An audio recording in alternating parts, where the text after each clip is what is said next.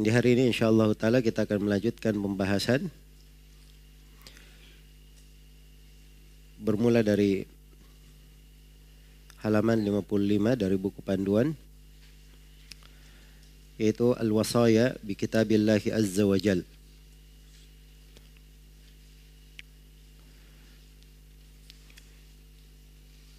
Wasiat agar berpegang dengan kitab Allah Azza wa Jalla.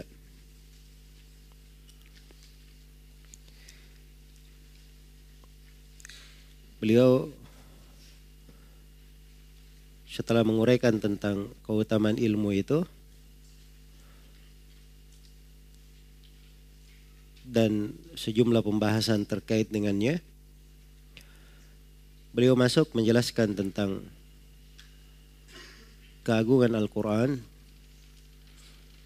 bagaimana kedudukannya serta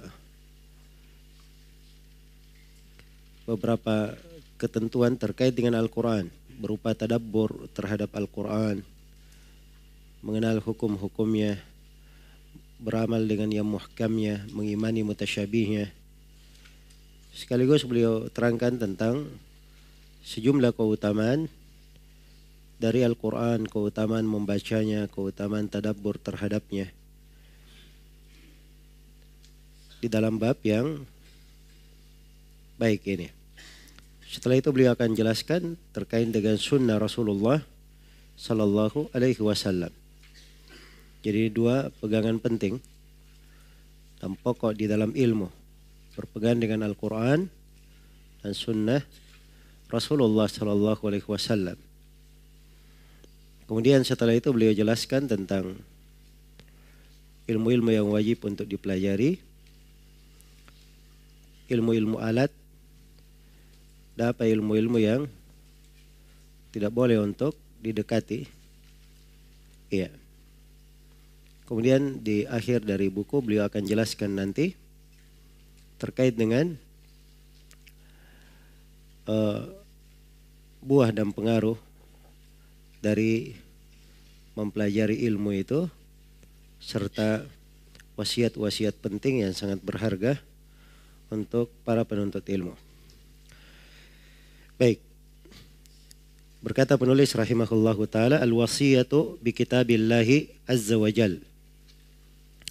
Wasiat agar berpegang dengan kitab Allah azza wa jalla.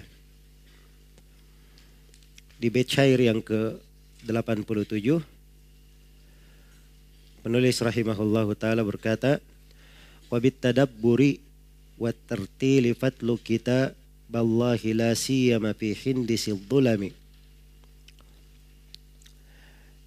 Kata beliau dengan tadabbur dan tartil. Hendaknya engkau membaca kitab Allah. Apalagi di tengah kegelapan malam. Saya poinkan di sini pembahasan tilawah Al-Quran bitadabbur wa tartil. Membaca Al-Quran dengan tadabbur dan secara tartil.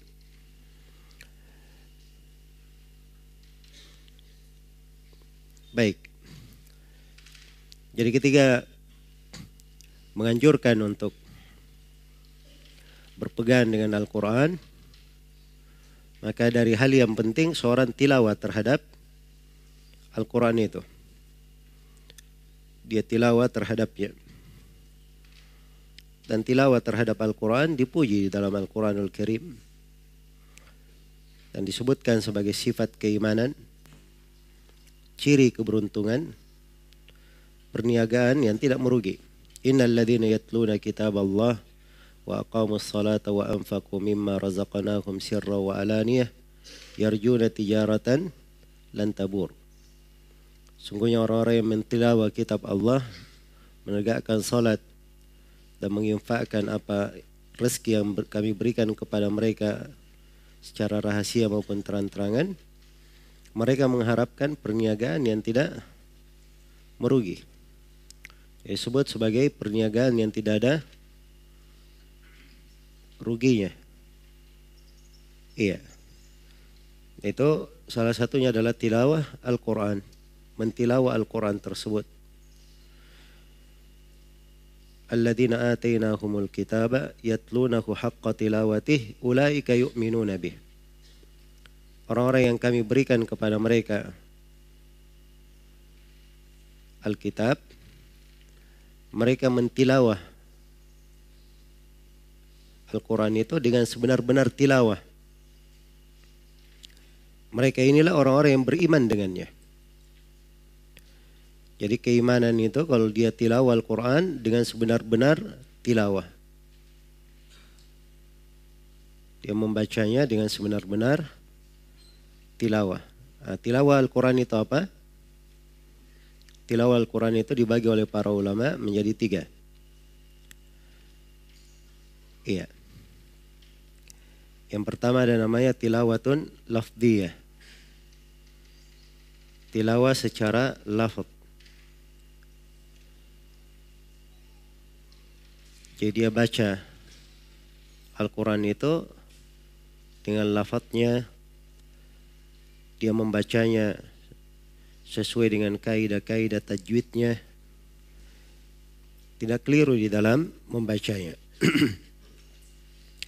Karena dimaklumi membaca Al-Quran ya semakin dia mahir di dalam membacanya lisannya itu terbiasa dengan Al-Quran maka itu lebih besar pahalanya. Sebagaimana di dalam hadits Aisyah, riwayat Bukhari dan Muslim, Rasulullah sallallahu alaihi wasallam bersabda al-mahiru bil Quran ma'as safaratil kiramil barara والذي يقرأ فيه وهو يتتأتأ فيه وهو عليه شاق له أجران Orang yang mahir membaca Al-Quran itu bersama malaikat yang dermawan lagi baik. Adapun yang membacanya dalam keadaan dia tersendak-sendak berat terhadapnya, dia dapat dua pahala. Yaitu pahala membaca dan pahala masyakkah. Ya, tapi yang membaca Al-Quran dengan mahir itu bersama para malaikat. Maka kemahiran di dalam membaca nah ini yang diperlukan. Karena itu harus diketahui bahwa membaca Al-Quran, tilawah dalam bentuk lafdiyah, ini adalah hal yang dituntut. Iya. Karena itu sebagian ulama menganggap bahwa mempelajari ilmu tajwid itu wajib. Dari sisi memang ada yang terkait dengan kewajiban. Dia kalau membaca surah Al-Fatihah misalnya di dalam sholat, itu rukun sholatnya sebagaimana di dalam hadits Ubadah bin Samit riwayat Bukhari dan Muslim la salata liman lam yaqra bi Fatihatil kitab. Tidak ada salat bagi orang yang tidak membaca surah Al-Fatihah. Terus dia wajib membaca sebuah surah bersama dengan Al-Fatihah. Iya. Karena itu hendaknya dia baca dengan bacaan yang benar tilawah dengan tilawah lafziyah yang benar. Nah, di sini perlu dia membaca dalam keadaan lurus huruf-huruf Al-Quran yang dia baca. Nah ini perlu belajar ilmu tajwid. Iya. Baik. Tilawah yang kedua namanya tilawah ma'nawiyah. Dia membaca Al-Quran itu dengan tadabbur terhadap maknanya. Tadabbur terhadap maknanya. Dia perhatikan dari kandungannya dan dia buka dari tafsirnya, dia pelajari dari makna ayat itu, dari ucapan-ucapan para ulama ahli tafsir yang nanti akan disinggung oleh penulis rahimahullahu taala tentang itu. Jadi dia baca dengan tadabbur tilawah ma'nawiyah. Ada tilawah yang ketiga namanya tilawah hukmiyah. Dia membacanya dan mengamalkan hukum-hukumnya dan mengamalkan hukum-hukumnya. Karena memang Al-Quran itu yang paling pokok adalah apa? Diamalkan hukum-hukumnya. Iya. Apa yang terdapat di dalamnya dikerjakan. Perintahnya dilaksanakan, larangannya dihindari. Nah, itu beramal dengan hukum-hukumnya. Maka ini tiga jenis tilawah. Orang yang dikatakan yatlunaku haqqa tilawatih, orang yang membacanya dengan sebenar-benar tilawah, itu dia mengumpulkan tiga jenis tilawah ini. Iya. Ya bukan sekadar dia baca dengan lafadznya, dia khatamkan bacaan Al-Qur'annya, tapi dia tidak paham maknanya, tidak juga diamalkan. Iya. Baik. Jadi ini maksud dari tilawah Al-Quran. Dan di sini penulis tekankan dua hal. Tadabbur dan tartil. Bitadabburi wa tartili fatlu kitaballahi la siyama fi dhulami. Dengan tadabbur tartil hendaknya engkau mentilawah kitab Allah. Iya. Tadabbur ini adalah hal yang diperintah di dalam Al-Quranul Karim. Sebagaimana Allah berfirman, "Afala yatadabbaruna al-Qur'an walau kana min 'indi ghairi Allahi lawajadu fihi ikhtilafan katsira." Tidakkah mereka tadabbur terhadap Al-Qur'an atau Tidakkah mereka tadabbur terhadap Al-Quran? Andai kata Al-Quran itu datangnya dari selain Allah, maka mereka akan temukan di dalam Al-Quran perselisihan yang banyak. Ya orang yang baca Al-Quran itu akan semakin cinta di dalam membacanya. Dia akan menemukan kesesuaian, tidak ada kontradiksi di dalam Al-Quran. Jadi adanya sebagian ayat menyelisih ayat yang lain bertentangan dengan ayat yang lain itu tidak ada dalam Al-Quran. Tidak ada dalam Al-Quran. Iya. Dan ini semuanya diketahui dengan tadabbur. Apabila seorang itu tadabbur terhadapnya maka akan kelihatan. Akan tampak apabila ditadabburi. Baik. Dan Allah Subhanahu wa taala berfirman, "Kitab kitabun anzalnahu ilaika mubarak liyadabbaru ayati wa ulul albab." Al-Quran adalah kitab yang berberkah yang kami turunkan kepada engkau Nabi Muhammad. Jadi kitab mubarak berberkah. Ya. Berberkah itu banyak kebaikannya. Banyak kebaikannya dan memang kebaikan Al-Quran tidak ada habisnya. Lihat dabbaru ayati supaya mereka tadabbur terhadap ayat-ayatnya diturunkan untuk ditadaburi ayat-ayatnya. Jadi maksud diturunkannya Al-Quran untuk ditadaburi ayat-ayatnya dan supaya orang-orang yang memiliki hati itu mengingat dengan Al-Quran. Dia punya rasa takut. Dengannya dia berdikir kepada Allah subhanahu wa ta'ala. Iya. Dan Allah subhanahu wa ta'ala menjelaskan ancaman bagi siapa yang tidak tadabbur terhadap Al-Quran. Apala yatadabbaruna al-Quran am ala qulubin akfaluha. Tidakkah mereka tadabbur terhadap Al-Quran? Atau hati-hati itu sudah ada kufulnya. Sudah ada kunci yang menguncinya. Iya. Kuful itu bahasa ya untuk tertutupnya hati. Dalam Al-Quran itu ada beberapa bahasa yang menjelaskan hati yang kotor tertutup. Ada bahasa ar-rain. Kalla barrana ala kulubihim. Ini rain namanya. Rain terhadap hati-hati mereka. Rain itu seorang punya hati, kemudian dia berbuat dosa. Tiap kali dia berbuat dosa dititiki dititiki dengan titik-titik hitam. Sehingga hatinya menjadi hitam. Kalau seluruh hatinya sudah menjadi hitam itu namanya rain. Ini menimpa hati. Dan yang kedua dari bentuk tertutupnya hati itu namanya at-taba. Jadi at-taba ini di atasnya lagi. Karena kelam itu membungkus hatinya, sudah membungkus hatinya. Jadi sudah terbungkus hati tersebut dengan kekelaman. Kalau al-kuful ini lebih parah lagi. Ya, sudah terbungkus, terkunci hatinya. Terkunci hatinya. Jadi ini ayat peringatan besar.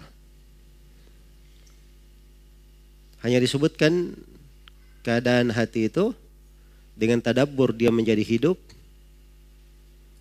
bisa mengingat, bisa berakal, atau ujungnya akan terkunci hatinya. Semakin jauh dia dari Al-Quran, maka semakin jauh pula hatinya itu. Semakin jauh dia dari Al-Quran, kemungkinan terkuncinya hati semakin apa? Semakin besar. Iya, karena itu kita diperintah untuk tadabbur terhadap Al-Quranul Karim. Diperhatikan dari makna-maknanya, apa yang ditunjukkan oleh makna tersebut kandungannya. Kemudian berikutnya dikatakan wat tartil dan dibaca dengan tartil. Iya.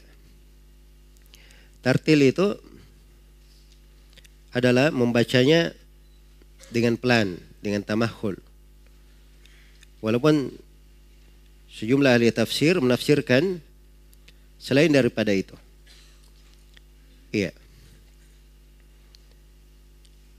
Jadi Ibnu Abbas ketika menjelaskan tentang ayat warattilil Qur'ana tartila dan tartil Al-Quran itu dengan sebenar-benar tartil. Kata Ibnu Abbas, bayin hubayanan, baca dengan bayan. Maksudnya baca dengan sangat jelas. Iya. Kata Al-Hasan Al-Basri, ikra'u kira'atan bayyina. Baca dengan bacaan yang terang. Kata Mujahid, kamu pelan padanya, lambat di dalam membacanya.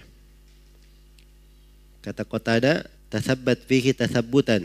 Kamu tasabbut, betul-betul kuat di dalam membacanya. Iya. Baik, jadi memang mana-mana dari tertil itu secara umum seorang membacanya dengan tasabut dan kuat di dalam melafatkan bacaan dari Al-Quran tersebut. Iya. Itu lebih identik kepada pelannya dia membaca. Pelannya dia membaca. Karena itu di ilmu tajwid, membaca Al-Quran itu ada tiga tingkatan. Membaca Al-Quran ada tiga tingkatan. Tingkatan yang paling bagusnya itu kalau dia membaca dengan tartil. Membaca dengan apa? Tartil. Lurus semuanya, maknanya jelas. Pasih dia membahasakan dari melafatkan Al-Quran tersebut. Dan pelan. Ada tingkatan yang kedua namanya At-Tadwir At-Tadwir ini dia membacanya dengan pertengahan. Tidak lambat tapi pertengahan. Dan tingkatan yang ketiga ada namanya Al-Hadar. Al-Hadar ini dia baca dengan cepat. Dia baca dengan cepat. Iya. Semua dari membaca sepanjang dibaca dengan bacaan yang benar dapat pahala tilawah. Iya. Dan kemampuan di dalam mentadaburi ayat dengan bacaan itu manusia berbeda-beda di dalamnya. Ada yang membacanya cepat, ya dia bisa tetap tadabur terhadap kandungan dari Al-Quran dan makna-maknanya. Ada yang membacanya dengan pertengahan, ada yang membacanya dengan lambat. Dan tidak diragukan ya bahwa membaca dengan lambat itu itu akan lebih sempurna dan lebih cocok untuk kebanyakan orang.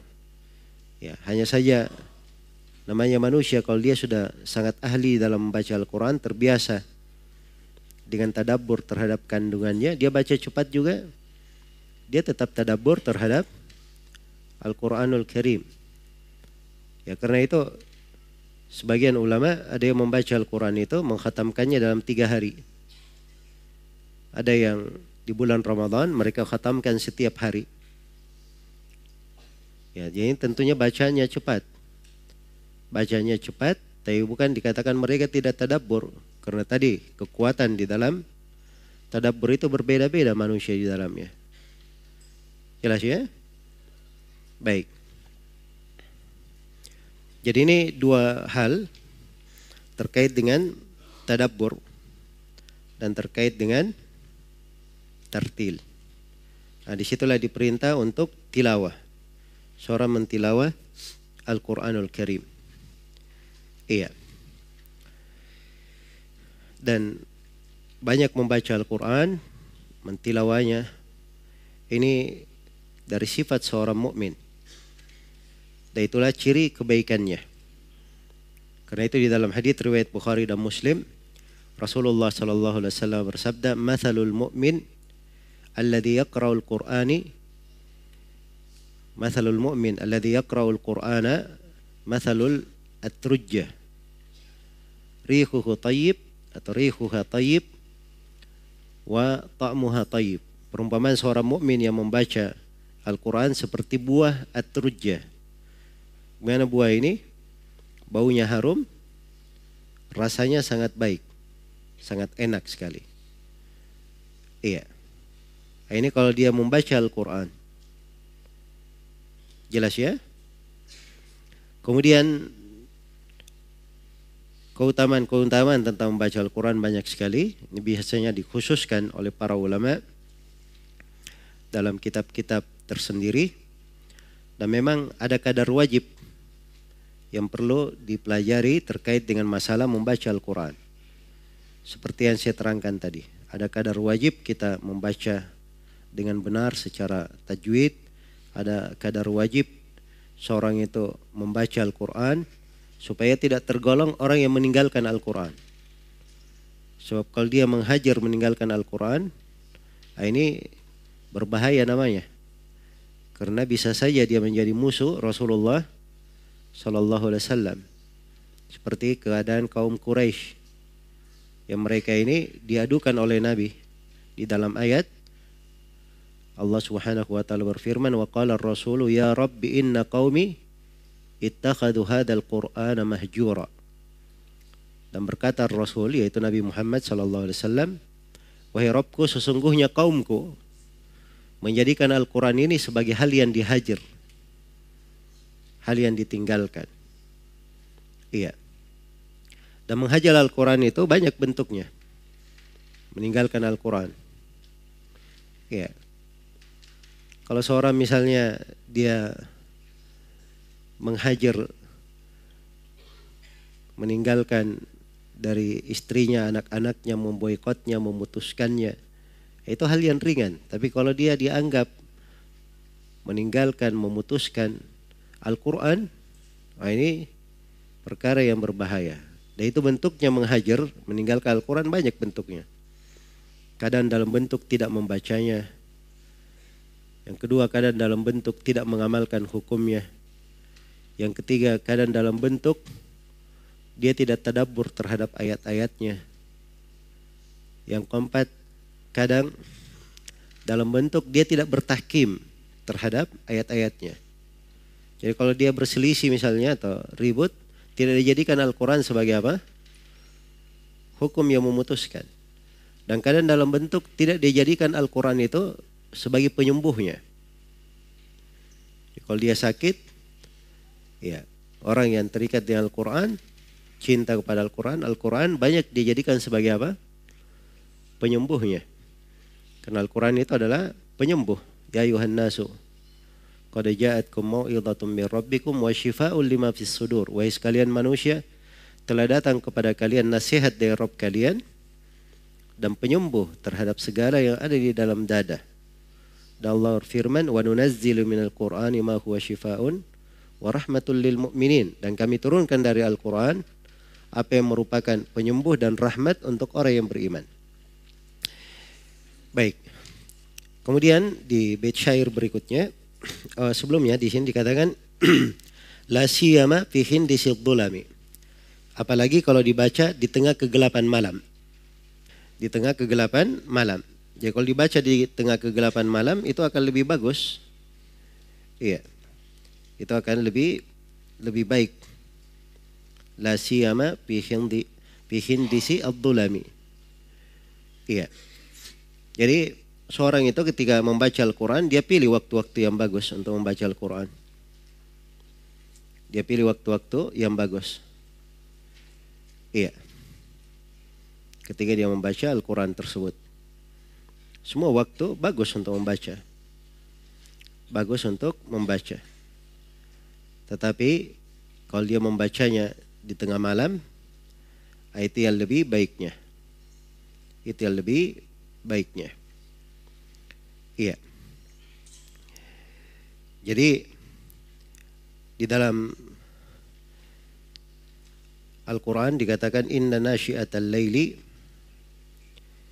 hiya ashaddu wata'an wa aqwa mukila. Sungguhnya nasyiah di malam hari, bangun di malam hari itu, itu asyaddu wata'an. Akan lebih tepat, lebih kuat seorang memijak di situ. Maksudnya lebih khusyuk. Wa aqwa mukila. Dan bacanya itu lebih mendalam, lebih berkesan. Ya, bacanya akan lebih berkesan. Ini memang kegelapan di tengah kegelapan malam ada hal yang berbeda ketika berada di siang hari. Iya. Di mana ketika malam itu sudah meliputi bumi, manusia dalam posisi sedikit dari kegiatannya, banyak beristirahat. Iya, maka Seorang ketika membaca Al-Quran, biasanya yang dia baca dengan hatinya itu lebih mudah nyambung. Maka membacanya di tengah kegelapan malam, itu lebih baik dan lebih afdal.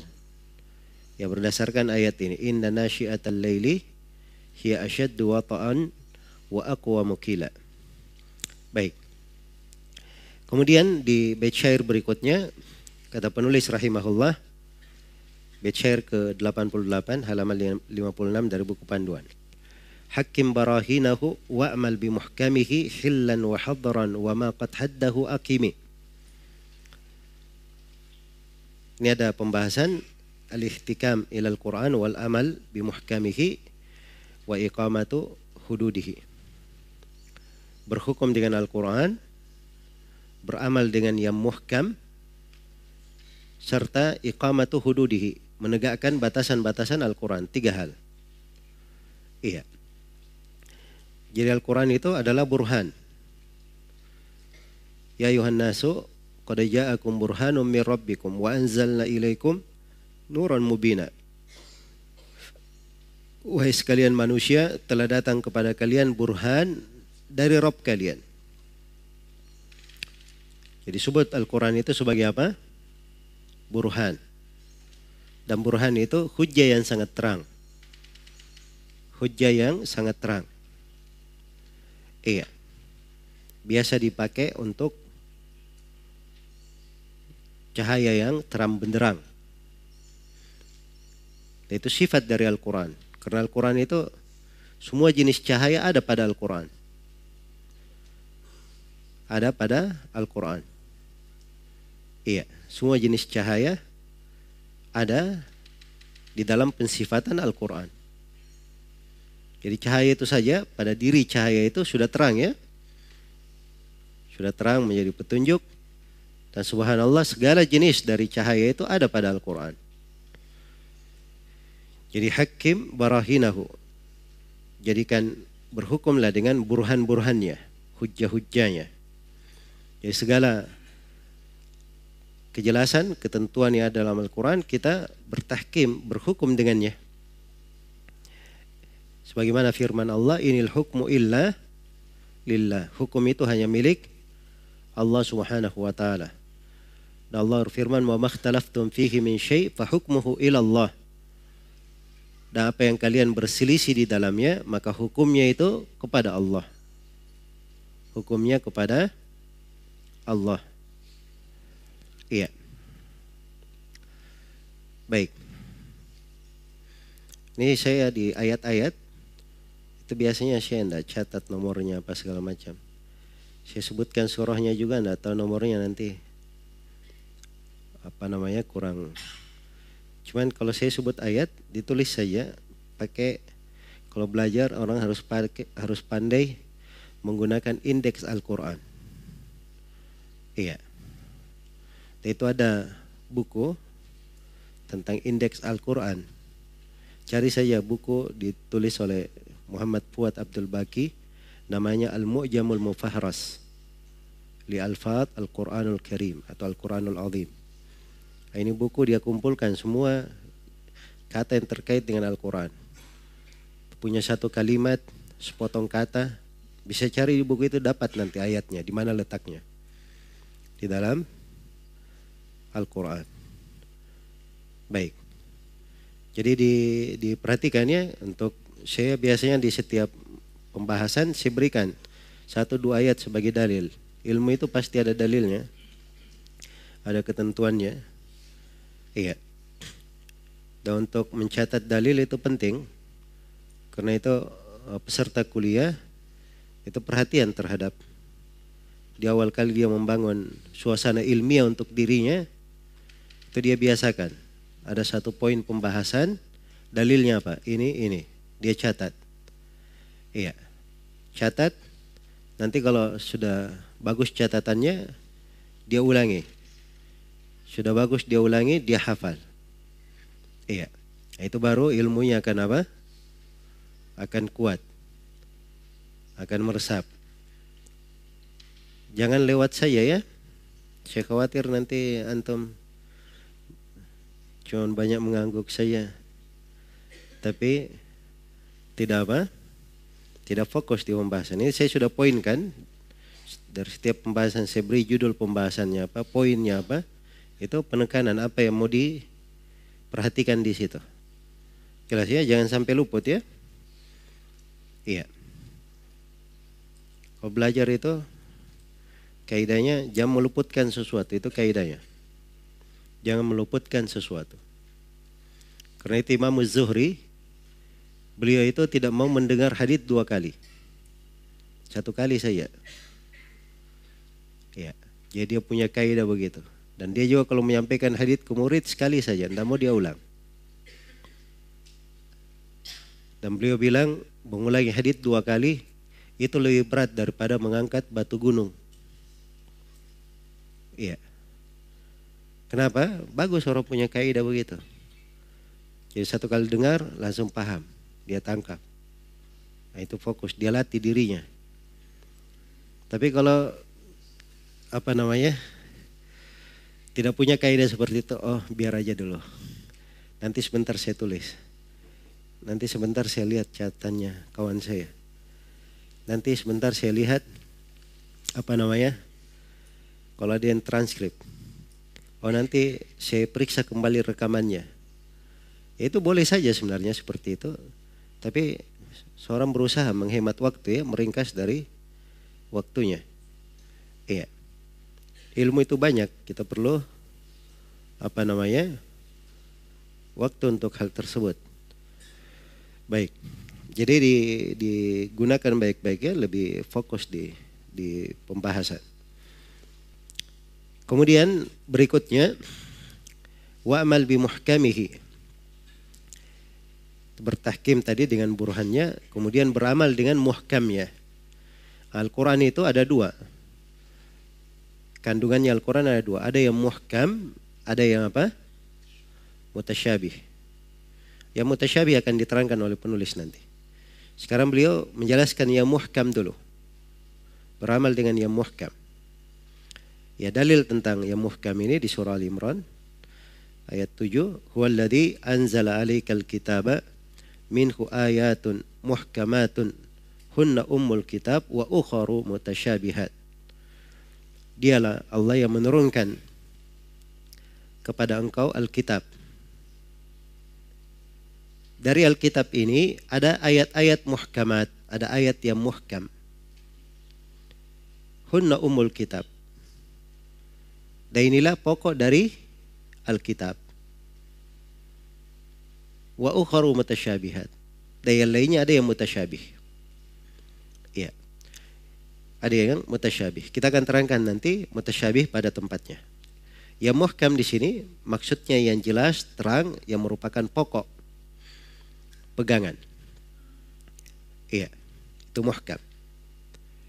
Dalam Quranul Karim memang ada ayat-ayat muhkamat. Kalau dibandingkan dengan mutasyabih. Tapi kalau dilihat secara umum dalam Al-Quran, semua Al-Quran itu adalah muhkam. Kitab yang muhkam. Karena Allah subhanahu wa ta'ala telah berfirman, Kitabun uhkimat ayatuh. Dia adalah kitab yang telah muhkam ayat-ayatnya. Telah muhkam ayat-ayatnya. Maka yang muhkam yang sudah jelas hillan wa hadran yang halal dan haramnya terang mana yang halal, terang mana yang haram. Ya. Maka itu ditegakkan. Yang halal dari apa namanya misalnya halalnya jual beli, kemudian halalnya pernikahan, yang haram seperti haramnya zina, haramnya riba. Nah, ini semuanya terang di dalam Al-Quran. Yang muhkamnya diamalkan. Yang muhkamnya diamalkan. Iya. Dan begitu seorang penuntut ilmu ketika dia apa? Dia belajar. Dia berusaha untuk menegakkan segala yang muhkam dari Al-Quran itu. Perkara yang sudah jelas, dia tegakkan pada dirinya. Dan ini mudah untuk dipelajari.